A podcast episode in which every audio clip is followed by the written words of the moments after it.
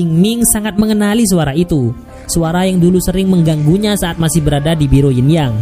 Dia tak lain adalah suara monster iblis yang Liu yang minta dibangkitkan ke dunia lagi. Setelah itu, Sing Ming mengurung cerpelai itu dan diperkuat dengan kertas mantra. Kemudian, Sing Ming yang merasakan kekhawatiran akan kebangkitan monster iblis yang Liu meski nggak tahu kalau ternyata yang dimakan oleh cerpelai itu adalah batu lin, menyuruh para anak buahnya untuk berjaga-jaga. Sementara dia akan pergi ke dunia monster untuk mendapatkan pedang yang dulu pernah digunakan untuk menaklukkan iblis yang Liu untuk berjaga-jaga takutnya suatu hari nanti dia benar-benar bangkit kembali. Pedang yang dimaksud adalah pedang Tushan yang sekarang dipegang oleh salah satu monster di dunia monster. Di Biro Yin Yang sedang mengadakan rapat dadakan untuk membahas pencurian batu lin, di mana mereka menuduh para monster yang menjadi bawahan Sing Ming yang mencuri batu itu karena mengaca kepada